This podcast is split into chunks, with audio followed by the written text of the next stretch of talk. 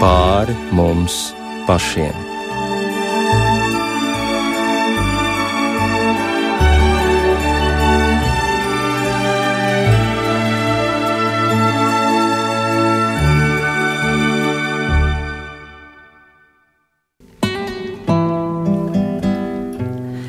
Esiet sveicināti raidījumā pāri mums pašiem, lai ir slavēts Jēzus Kristus.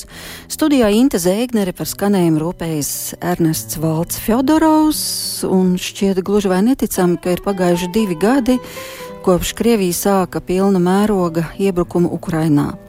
Divi gadi, kuros vairāk nekā jau kad agrāk mēs esam iepazinuši šo varonīgo tautu, arī tik daudzu cilvēku dzīves stāstus, dvēseli un kultūru, bet šovakar mēģināsim eh, saprast, kas ir Ukrāņu nesalaužamais garaspēks, kur tas sakņojas. Un mūsu studijā šovakar ir bīskaps un Rīgas Svētās Marijas Magdalēnas draugs prāvests Andris Kravalis. Labvakar! Labvakar.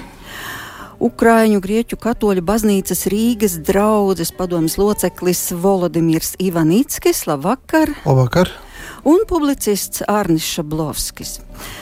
Arni, tu kara laikā jau bieži esi braucis uz Ukrajinu un tūlīt dosies atkal. Tad kas tavuprāt ir šīs tautas nesalaužamās gribas pamatā? Ko tu esi novērojis šajos divos gados? Patiesībā jau kopš 14. gada, jo tad sākās pirmās akcijas Ukraiņu atbalstam. Ne, es domāju, ka Vladimirs zina to noslēpumu daudz vairāk. Bet uh, es, es arī nezinu to noslēpumu. Es varu tikai apbrīnot. Es domāju, tas ir tas. Uh, jo es jau arī biju no tiem, kas, kas šaubījās, tad, kad karš sākās. Karš, jo, jo mēs uh, pa, pa Krīmu atceramies, kā tas viss notika. Bet, uh, acīm redzot, pa, šiem, pa šo laiku uh, ir daudz kas bija mainījies. Uh, un acīm redzot, šī brīža Eiropai, šī brīža pasaulē ir vajadzīgi.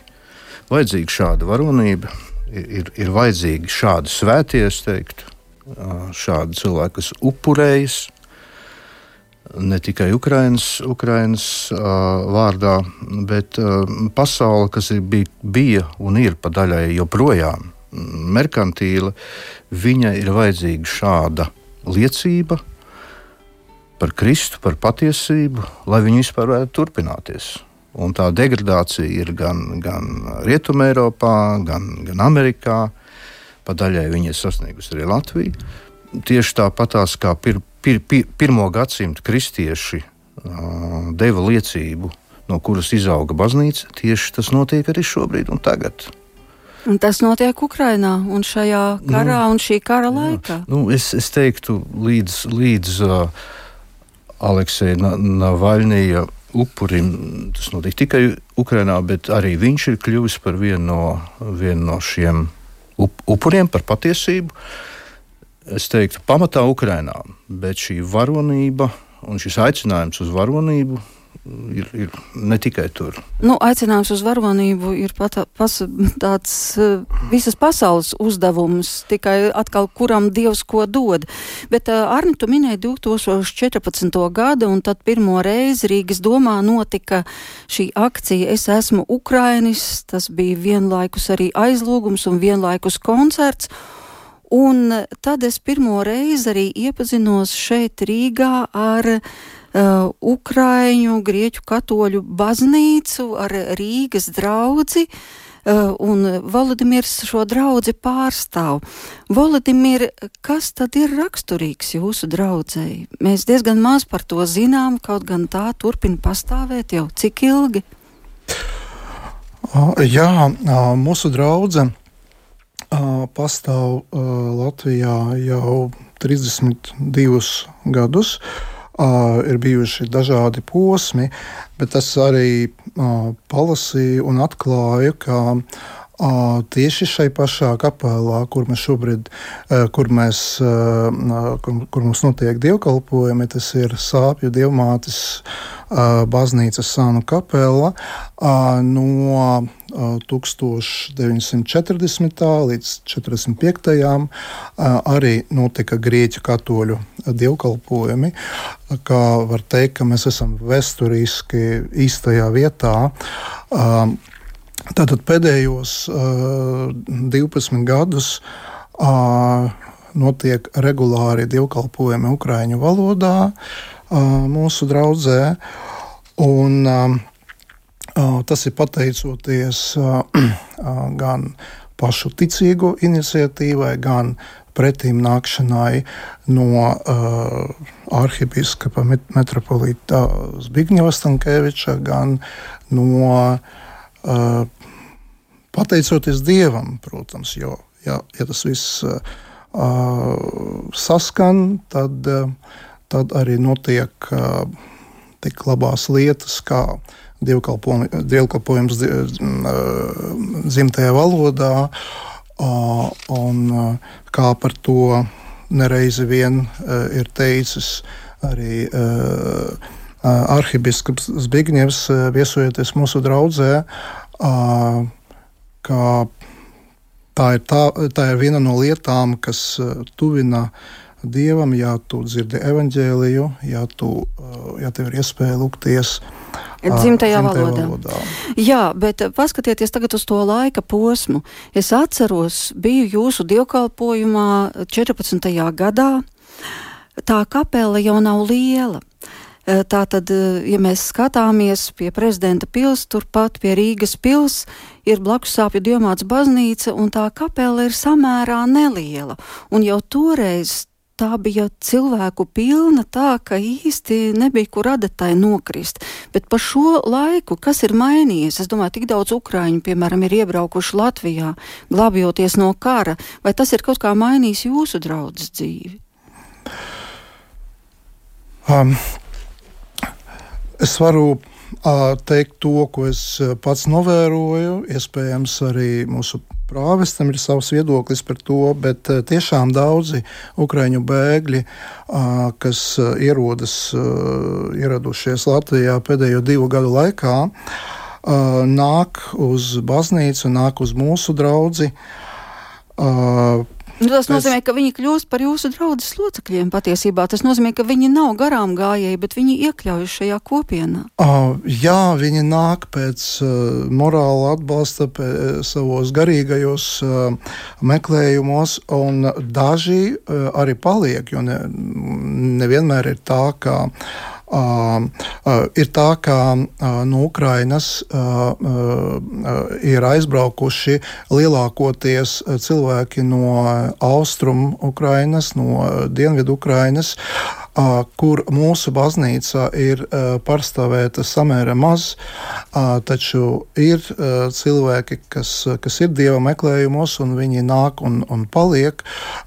Un kas man arī, mani arī priecē, ka viņi sākumā viņi ienāk baznīcā, un pēc tam viņi atrod vēl uh, citas lietas, kas ir saistītas ar uh, ukrāņu aktivitātēm šeit Rīgā. Tomēr baznīca ir centrā, uh, vai nu tie ir teiksim, ukrāņu skauti, uh, ar kuriem es arī uh, nodarbojos, vai arī kaut kādi uh, kursi vai uh, citas svarīgas lietas, kas palīdz integrēties uh, dzīvē šeit, šeit Latvijā. Uh, un, Bet draudzene kā tāda ir augusi pa šo laiku? Noteikti ir augusi. Mēs visu laiku domājam par to, kā mums paplašināties, un tajās reizēs, kad, kad notiek uh, lieli svētki, kad uh, mēs jūtam, ka mums ir par maz uh, tas telpas mūsu kapelā, tad uh, mums ir lieliska sadarbība ar uh, Prāvestu Andžēju, kas ir uh, Sāpju dievmātes baznīcas draudzes prāves, un tad viņš mums ļauj. Dievkalpojums notiek lielajā tieši, baznīcā. Tieši tā. Jā. jā. Bet tā specifika, mēs, uh, Ukrainas grieķu katoļu baznīca, tad kas ir tā specifika, ar ko tā atšķiras? Nu, tā tad notiek dievkalpojums Ukraiņu valodā, bet kas vēl tā ir raksturīgs? Man jau mūžam paliek prātā dziedājumi, un es domāju, kā arī Arnim, jo īpaši paliek prātā šie dziedājumi. Varbūt ir vēl kaut kas. Nē, droši vien Valdimirs var precīzi par to vēsturi pateikt, bet tā mana sajūta ir, ka Ukrainas valsts identitāte un tautas identitāti ir ļoti cieši saistīta ar, ar, ar grieķu katoļu vēsturi. Man tā ir tā mana sajūta, ka tā mm, iestāšanās par savu garu, jo, jo teiksim, tā neatkarība no Maskavas, bet, bet drīzāk labā nozīmē atkarība no Romas. Un, un tādā nozīmē mm, tā grieķu katoļu vēsture ir ļoti cieši saistīta ar šī brīža notikumiem. Tā ir tā mana sajūta. Volodimirs zina daudz labāk. Tad. Um, nu, neskatoties uz to, ka Grieķu, Ukraiņas grieķu katoļu baznīca uh, Ukrainā ir uh, viena no konfesijām šajā daudzkonfesionālajā valstī, un tā nav tā lielākā. Tad, tad Ukrainā ir ap pieciem miljoniem grieķu katoļu ticīgo. Tiešām, kā Arnis minēja, vēsturiski mūsu baznīcai ir nozīmīga loma teiksim, visdažadā, visdažādākajos vēst, vēsturiskajos procesos, tā vienmēr ir bijusi ļoti aktīva. Un es varu atcerēties mūsu arhibīskapu. Andrēju Šepticki vai arī Jos, Josipu Slipiju, kuri gan ir darījuši ļoti daudz ne tikai baznīcas un ticīgo labā, bet arī uh, visas Ukraiņas sabiedrības labā. Un, uh, Tie bija, tie bija laiki uh, 20. gadsimtā, kad, uh, kad, kad viņi paši ir uh, cietuši no, no padomju varas, no, no citām varām. Un, uh, taču ir spējuši palīdzēt arī citiem, kā piemēram Andrejs Šeptickis nacistu okupācijas laikā baznīcā, baznīcas telpās slēpa ebrejus. Un, Tas ir, tas ir vispār zināms fakts, un kā arī teiksim, ir būdams bagāts cilvēks, viņš ir Um, Viņš ir uh, ziedojis savus uh, milzīgus līdzekļus uh, Ukraiņas uh, tautsēmniecībā, dažādiem uh, tādiem uh, novatoriskiem projektiem. Mm -hmm. Jā, 5 miljoni tas skan iespaidīgi, kaut vai salīdzinot ar mūsu Latvijas teritorijā dzīvojošo skaitu, bet 5 miljo, miljoni ticīgo, kas piedara Grieķu katoļu baznīcai, tas patiešām ir iespaidīgi, bet mums ir kāds īpašs ieraksts, kas ir veikts tieši Rīgas sāpju diamāts baznīcas šajā nelielajā kapelā, un eh, tajā mēs dzirdēsim arī ļoti svarīgu lūkšanu, es domāju, gan grieķiem, katoļiem, gan cilvēkam, kas sirdī ir īpaši ticīgs, un tā ir Jēzus lūkšana, kas izskanēs ukraiņu valodā, ko dziedās Aleksandra Špitsberga kopā ar vīriem, un šis ieraksts ir tapis pirms gada.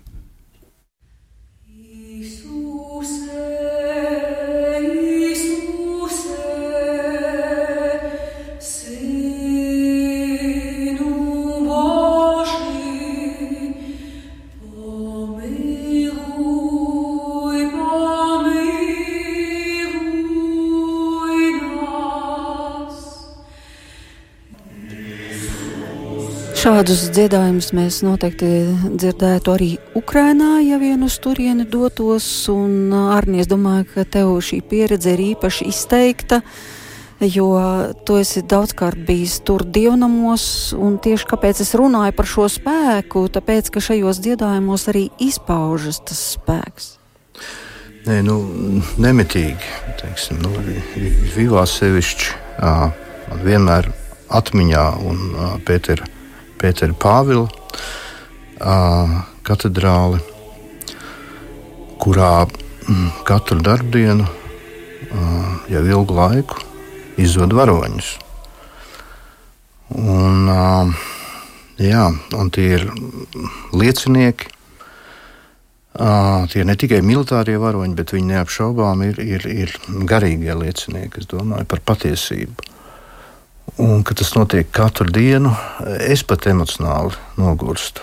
Un, un, un blakus esošā, netālu esošā kapsēta, kura salīdzinoši ar to, kad es biju pirmo reizi 22. gada maijā, un tagad nu, ir 30 reizes vai, vai plašāka. Un tā ir kapsēta pie kapsētas, jo kapsētā jau sen nav vietas.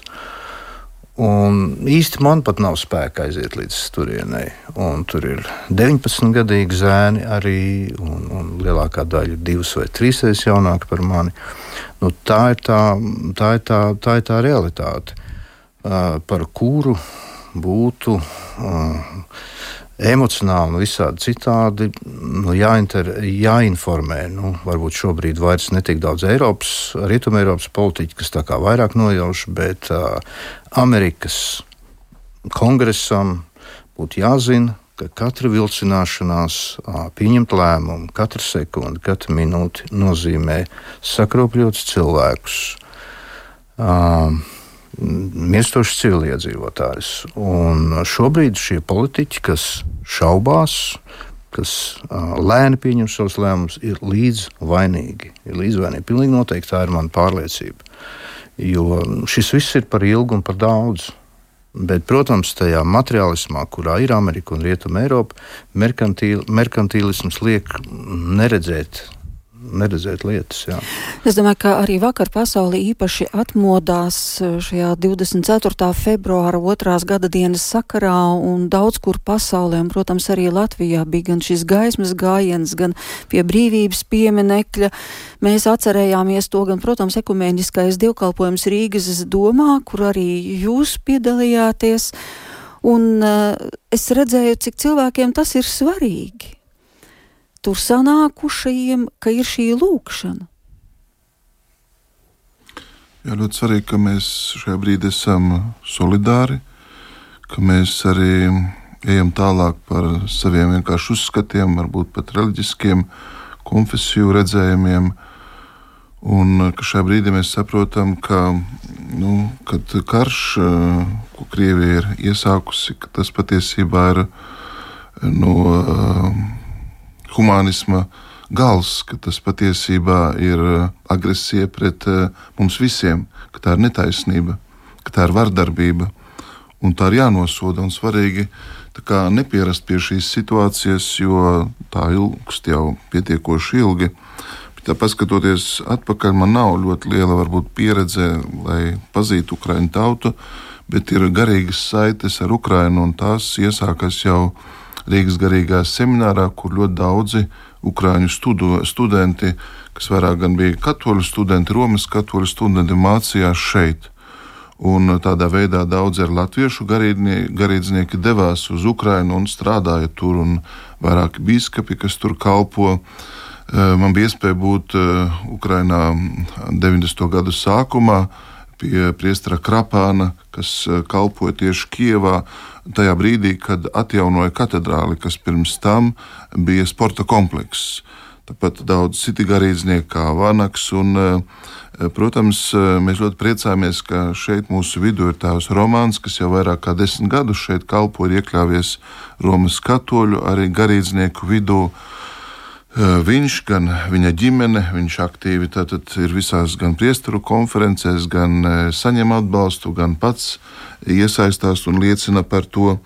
Un arī, protams, šeit vairāk runāja par Romas katoļu priesteriem, arī biskupi no Ukrainas, kas brauc šeit, apmeklē gan garīdzniekus, kas to stiprina, vairāk kārt ir bijuši šeit uz tikšanām, gan um, tāds uh, biskups, kas atbildīgs par garīdznieku kalpošanu, biskups Sušs tad arī Sevčuks arhibīskaps.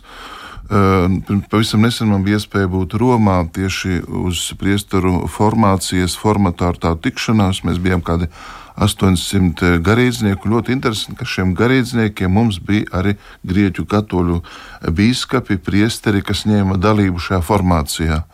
Tā kā te Arnis sacīja, ka mums ir dziļas garīgas saites, jo arī nu, šī savstarpējā cieņa arī attieksme pret uh, Svēto Tēvu, Romas pāvestu. Un uh, tā garīgā sadarbība vienmēr ir bijusi teikt, ļoti izcilā veidā, un mēs to tagad arī piedzīvojam. Ja drīkst vēl pēdējo lietu pateikt, šodien man varbūt tā garīgā pieredze ar Ukrajinu ir redzot, kā viņi ir mūsu vidū. Mums, kā Karitas organizācija, bija uzticēts kāds laiks arī strādāt ar bēgļiem uciniekos. Mēs esam redzējuši dažādus bēgļus, bet ir liela starpība starp tiem cilvēkiem, kas ierodas no Ukrainas, jo man grūti viņus nosaukt par bēgļiem, jo tie ir cilvēki, kas uh, nes savā sirdī cerību, kuriem ir pārliecība, kuriem ir stāja. Un, kad mēs domājam, ko mēs varēsim viņam palīdzēt, tad dažreiz tiešām ir tā, ka viņi mums palīdz ar to savu gan patriotismu, gan arī ticības izpratni. Un, piemēram, Svētās ģimenes mājā regulāri tiekoties, mēs redzam, nu, kā šī kultūra tiek kopta, kā tiek kopta valoda, dziesma. Pirms divām, trijām dienām bija fotografija izstāde, tiek rādītas filmas, un mēs paši tiekam bagātināti iepazīstot gan šo kultūru, ticību, izpratni. Tāpēc, um, manuprāt, uh, nu, Ukraina ir uz pareizā ceļa, un šī cīņa tiks izcīnīta, jo labais uzvarēs, jo patiesība triumfēs. Tā nav apslāpējama. Jautājums tikai kad, un es pilnīgi tev arī piekrītu par to. Bet eh, tāpēc būsim modri, būsim atbildīgi, un eh, mēs arī visi varam līdzdarboties ar savu ticības stāju, ar savu atbalstu, ar to, ka mēs paši mīlam, esam atbildīgi par savu zemi un spējam pateikt, kas ir melns, kas ir balts, kas ir patiesība un kas ir meli. Jā, un jūs minējāt eh, šo izstādi, kas tika atklāta 22. februārī Rīgas metropolijas kūrijā, un tā bija Ukrainas Nacionālās gvardes fotografiju un centra Perlīna bērnu zīmējumu izstāde ar ļoti skaistu domu palīdzēt karavīriem tur, kas cīnās frontes pirmajās līnijās, un palīdzēt arī bērniem šeit, kuri ir kļuvuši nedroši un pa, pazaudējuši kaut kādā mērā šo saikni ar vecākiem vai radiniekiem, kas vienkārši šobrīd cīnās par savu dzimteni. Un e, tūlīt ieklausīsimies arī e, šī projekta vadītājas mākslas vēsturnieces Gabrielas Kabicinas Kabjēras sacītajā šīs izstādes saku, e, sakarā, kas vēl būs skatāma līdz 29. februārim. Эта выставка является продолжением той первой, и если первую мы могли бы как бы Šī izstāde ir kā turpinājums pirmajai izstādē pirms diviem gadiem, kuras tēma bija skumstu pēc mājām. Papa, я жду тебя. Tad šīs izstādes temats ir tēti, es tevi gaidu. Jo, kad notiek pirmā izstāde, mēs nedomājam, ka karš būs tik ilgs. Безусловно, уже задаются вопросом, папа. Un tagad savukārt bērni uzdod jautājumu, bet tēti, kad tu atgriezīsies? Tēvi karo dod savas dzīves, aizvien vairāk, kā zināms, ir upuru. Отметить эту страшную дату в истории Un, kad mēs domājām, kā lai mēs atceramies šo divu gadu gada dienu, tad mēs vērsāmies pie Ukrainas Nacionālās gvardes, un jūs paši saprotat, ka šobrīd nav īstais laiks, viņiem ir daudz darba, daudz svarīgāk nekā atbildēt uz mūsu jautājumiem. Bet tomēr viņi atrada laiku un atsūtīja mums fotogrāfijas. Tātad tēvi pēc kaujas, tēvi, kur ir dzīvi. Mēs esam pieraduši pie tā, ka karš ir tikai cipari, tik un tik un tik cilvēki gājuši bojā, tik ciemi atbrīvoti vai atdoti. Bet šie vīri, kas karo, viņi taču bija vienkārši gan juristi, gan mūziķi, gan ārsti. Bet tagad viņi atdod savas dzīves par saviem bērniem. Un lūk, šī saikne šie karavīru portreti no frontes laikā, kad viņi atpūšas, kad var redzēt, kā viņi vai nu paglauda sunīti, kas ir palicis bez saimnieka, šīs nogurušās sejas. Un tad šie bērnu zīmējumi. Un mēs atnācām uz centru Berlīna un vaicājām bērni, kas ir varonis un aizstāvis. Uzzīmējiet to. Un viņi bija tik entuziastiski. Kāds uzzīmēja sievieti, kāds savu brāli, kāds savu tēvu. Un mēs sajūtām šo saikni, kas eksistē starp bērnu šeit, kas ir drošībā, un kurš zina, ka viņu sargā tur varbūt kāds nezināms karavīrs, bet viņš viņu ir uzzīmējis. Un lūk, šī garīgā saikne, saikne uztur savstarpēji vienam otru, un pēc izstādes mēs aizsūtīsim šo zīmējumus uz fronti. Un es domāju, ka, kad karavīri ieraudzīs šos zīmējumus, viņi rādīs viens otram un teiks, tas laikam esi tu, varbūt šis esmu es. Tā ir vienotība. Un arī viņiem tas dod spēku, jo viņi saprot, ka viņi cīnās par tiem, lai bērni šeit varētu izdzīvot un atgriezties.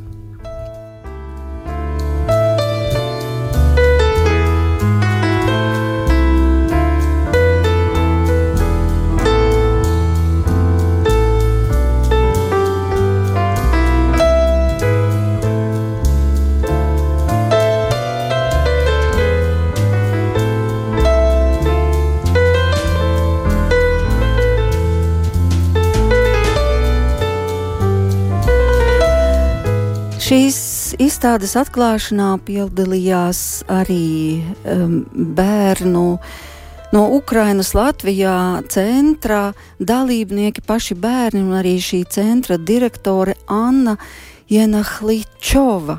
Un arī viņi pastāstīja par šo centru. Mēs redzējām šos bērnus, kas tiešām bija dzīves, priecīgi, arī sniedza savu priekšnesumu. Un daži varbūt bija nedaudz skumīgi, bet varēja tiešām redzēt to, ka viņi ir drošībā, ka viņiem šis notikums ir svarīgs. Arī tas, ka viņi var uzstāties, tā bija viņa pirmā uzstāšanās reize. Savukārt Annai Jenhaličovai es vaicāju, ko tad nozīmē šis nosaukums Berlīna. Перлина, она на английском и на латышском языке, на украинском имеет одно название. То есть Перлина, Berlīne gan angliski, gan ukrainiski, gan latviski nozīmē to pašu pērlītes. Un bērni ir kā šīs pērles tādā pavērtā gliemežvākā, kur viņi jūtas drošībā. Un tad, kad viņi ir sajutuši šo drošību, tad viņi arī gatavi iziet pasaulē. К тому окружению, где они находятся сейчас. А какова ваша история? Bet kāds ir jūsu stāsts? 2014. года мы жили в Мариуполе. 2014. gadā mēs dzīvojām Mariupolē līdz tam gadam, un tad sākās apšaude, man ir divi bērni, un mums nācās aizbraukt no turienes. Tad četrus gadus dzīvojam Nikolājevā, pēc tam aizbraucām uz Kijevu. Un kad otro reizi jau sākās šis pilna mēroga uzbrukums Ukrainai, tad nācās braukt projām. Jo manai meitai ir ļoti spēcīgs posttraumatiskā stresa sindroms. Divus, divas nedēļas mēs sēdējām pagrabā. Es viņu nevarēju pat uh, lūgt, lai viņa iziet ārā, viņa ļoti baidījās. Un tad pēc divām nedēļām mēs sapratām, ka mums ir jābrauc projām. Sākumā braucām uz Ļvivu. Dēlam bija vieglāk, jo viņš ir vecāks.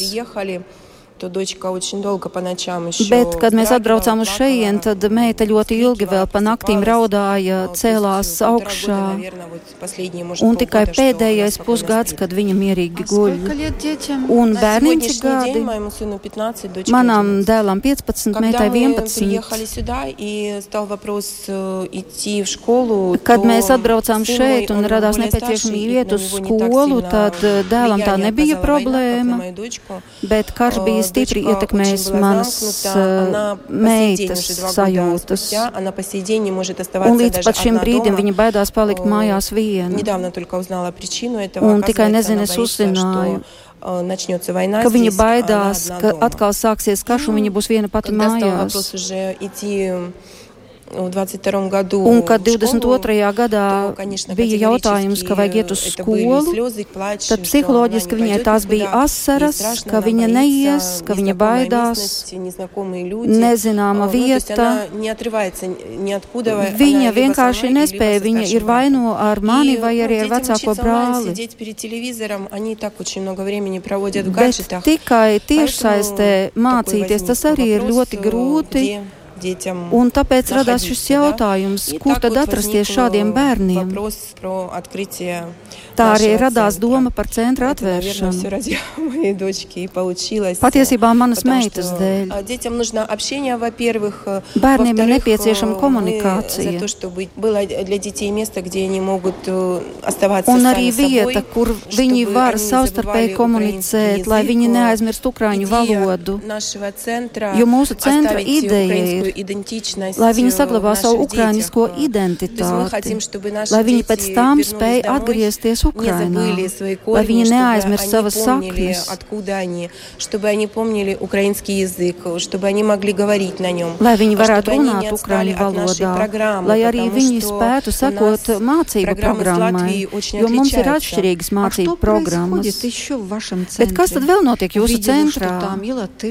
Redzēju, ka tur ir gan latviešu valoda, gan vēsture, gan matemātika.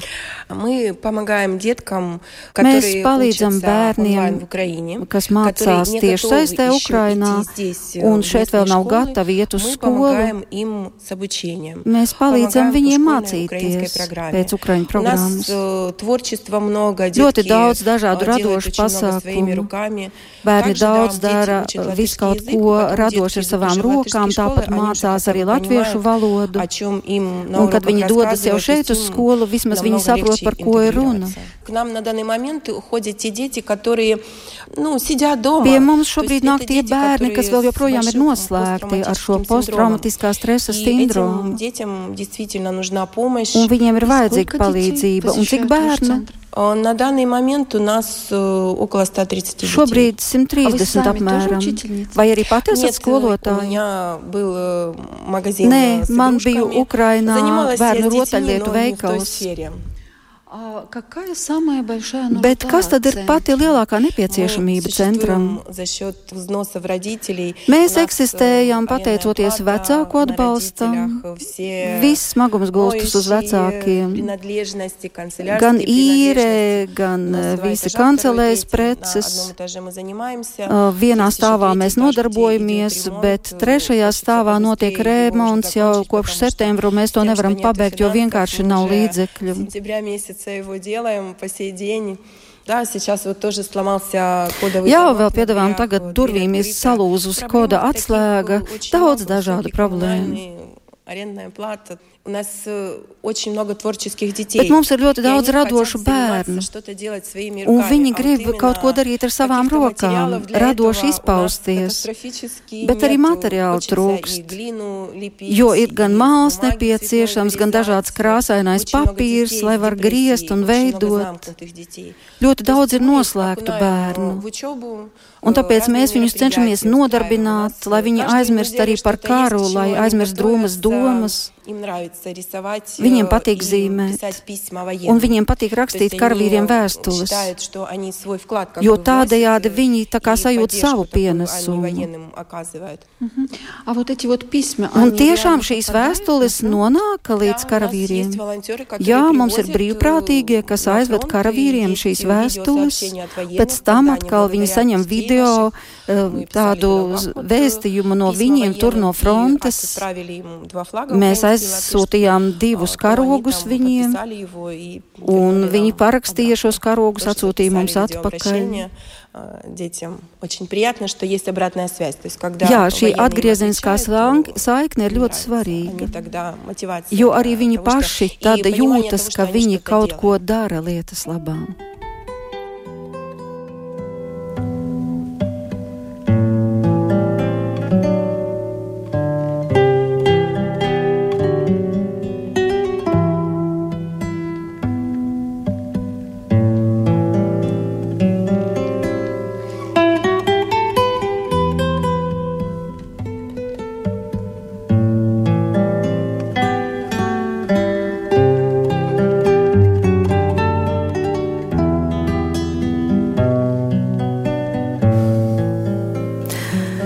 Tā bija viena izstāde, kas eh, mazajā pilsēlā divi ir skatāma. Tātad kūrīs telpās līdz 29. datumam no 12. līdz 5. pēcpusdienā. Tiešām iesaku aiziet apskatīties.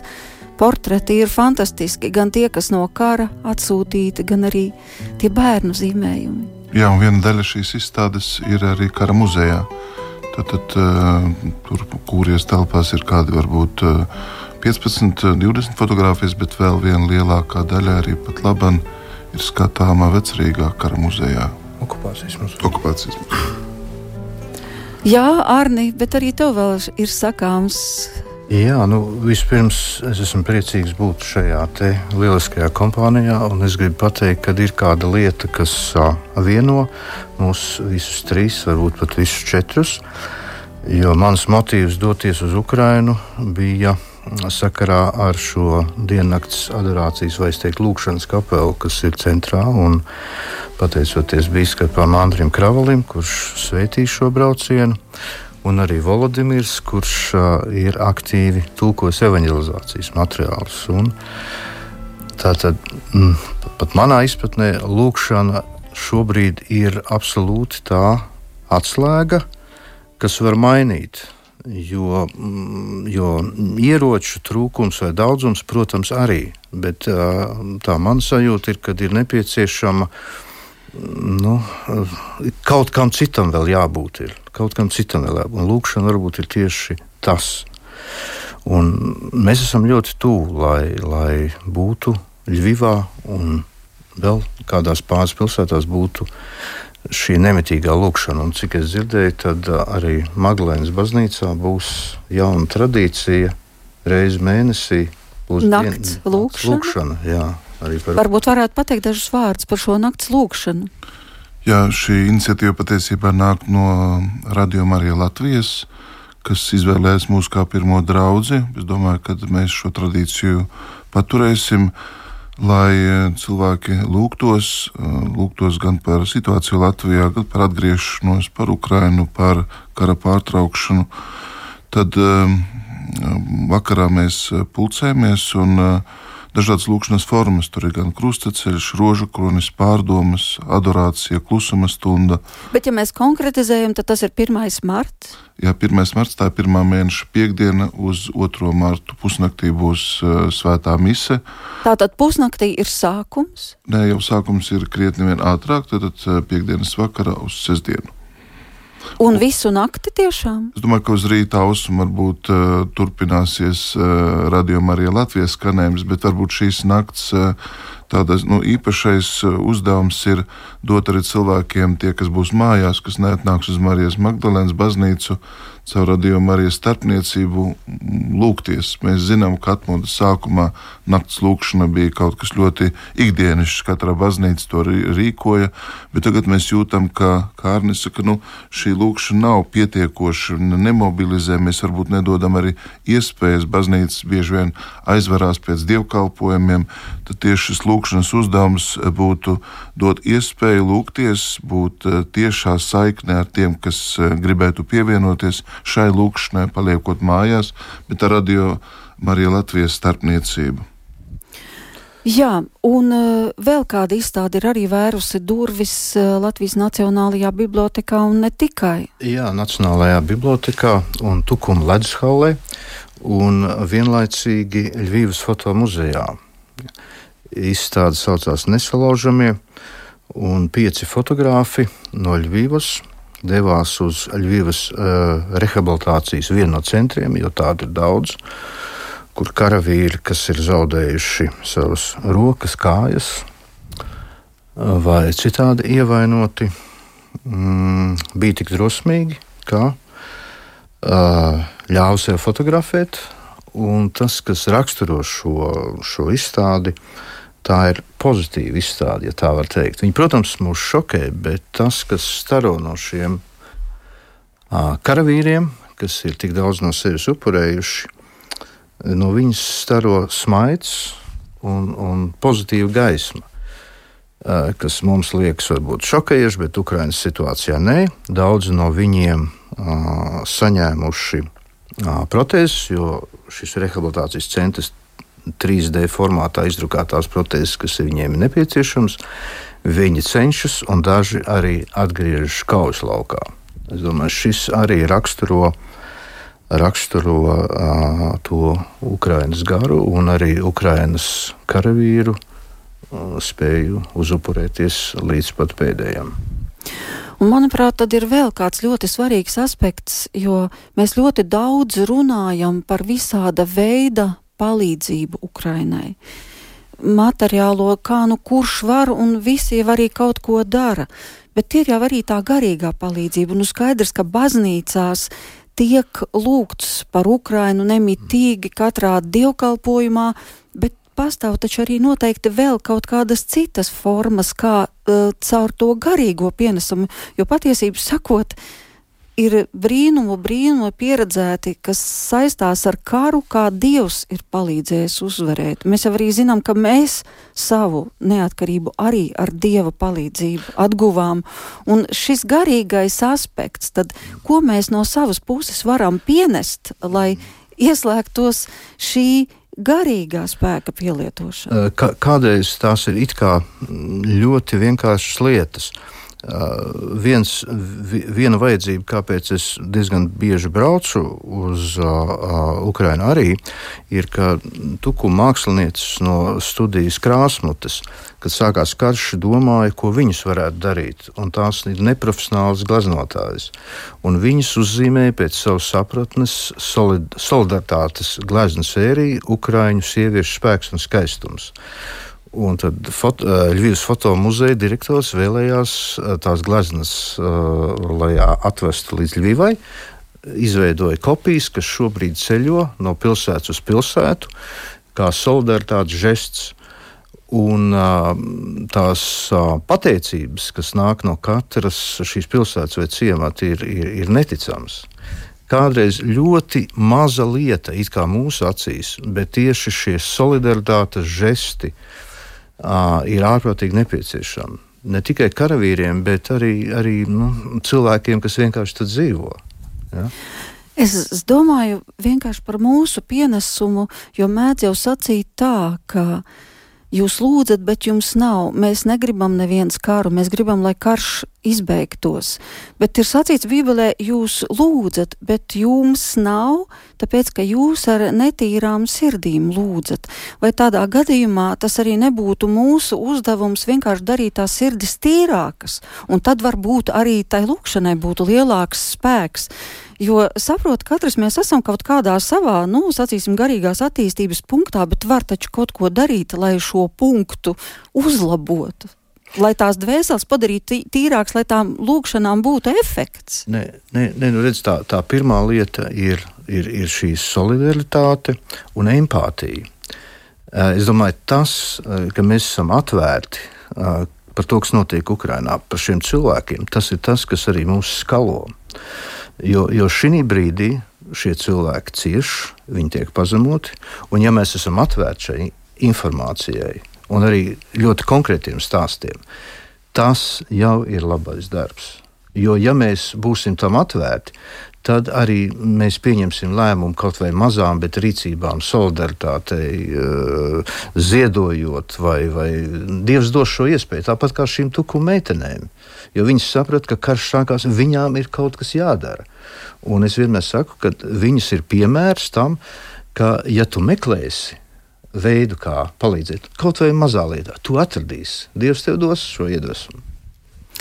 Un uh, tu jau ļoti labi zini arī šo ziedoņa tekstu, ka lūkšana ir stiprāka par mums, mēs nezinām, cik tālu viņa staro, un vara ir vien mūžīgs nogurums, un nāve mūžīga ir tiem, kas karo.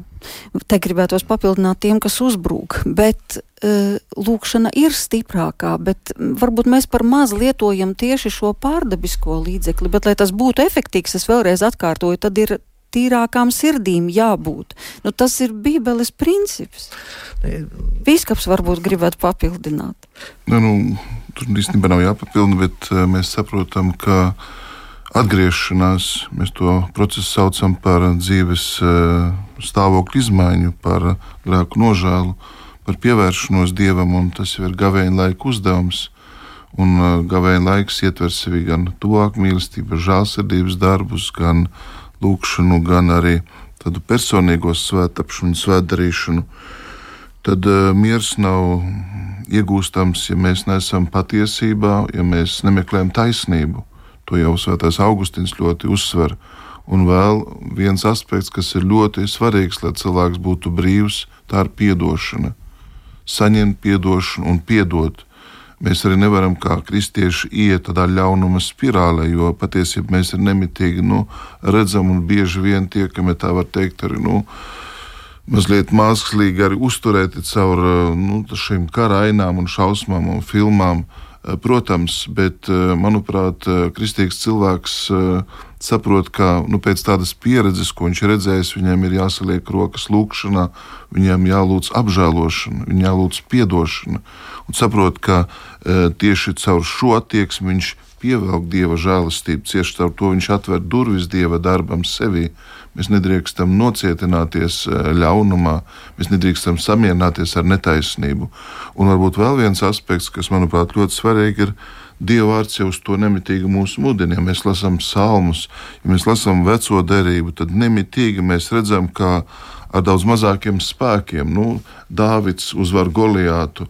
Kā man šeit viena vieta no svētajiem rakstiem, no Jozo grāmatas, kur Dievs saka caur pravieti Jozu, ka kungs um, cīnīsies kopā ar jums. Ik viens no jums var uzvarēt tūkstošus, jo kungs jūsu dievs, viņš būs kopā ar jums, kā viņš ir solījis. Tāpēc uh, godiniet kungu, atcerieties viņa brīnum darbus. Tad, tad to mēs arī nu, redzam kristīgās dzīves vēsturē, to mēs redzam daudzos notikumos, kaut vai šeit runājam pirms tam par Lepanto kauju, kur kristieši ar daudz mazāku Eh, karaspēku, eh, daudz eh, negatavākie, tomēr caur lūkšanas spēku uzvarēja šo cīņu, apturēja Osmaņu armiju un izcīnīja ļoti svarīgu notikumu. Mēs to pieminam 7. oktobrī kā Rožkrona dievmātes svētkus. Un tas bija brīnums. Tas, protams, tā bija dieva palīdzība, dieva žēlsirdība, bet tas arī bija baznīcas, tā var teikt, nu, aicinājums pirmkārt apvienot spēkus, arī izveidot šo armiju, kas aizstāvās, kas negrib, ka agresors ienāk tālāk, bet arī visa tauta pieslēdzās lūgšanā, un tāpēc bija arī šis rezultāts.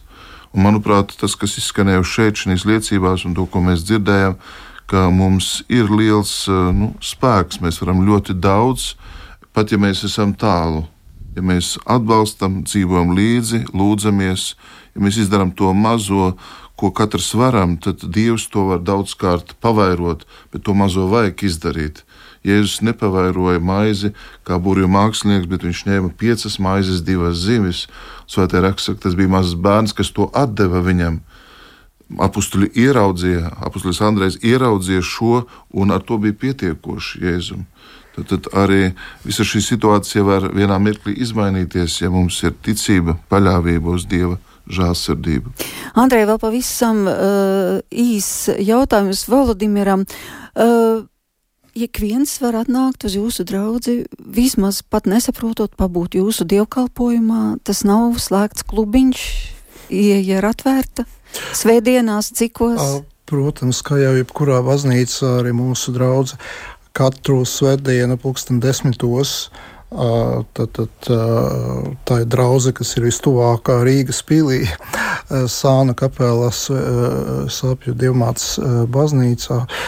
Un kas arī ir interesanti, ka pēdējā laikā mūsu draudzē ir pievienojušies vairāki latvieši, kas uh, iepriekš nav bijis. Uh, un uh, viens no iemesliem uh, ir tas, ka uh, viņi grib uh, piedzīvot šo uh, mūsu dziedāto liturģiju, un, uh, un tāpēc evaņģēļu lasa arī latviešu valodā. Mm. Brīnišķīgi, tātad svētdienās desmitos ir iespēja arī lūgties par Ukrainu kopā ar Ukraiņiem. To arī novēlam mūsu klausītājiem kaut vienreiz arī izbaudīt un saprast, kā tas ir. Bet šobrīd saku liels paldies šī raidījuma dalībniekiem, bīskapam un Rīgas Svētās Marijas Magdalēnas draudzes prāvestam Andrim Kravalim, Ukraiņu Grieķu katoļu baznīcas Rīgas draudzes uh, padomis loceklim Volodimiram Ivanickim un publicistam Arnim Šablovskim. Kopā ar jums bija Inte Zēgnere, bet par skanējumu rūpējas Ernests Valds Fjodorovs.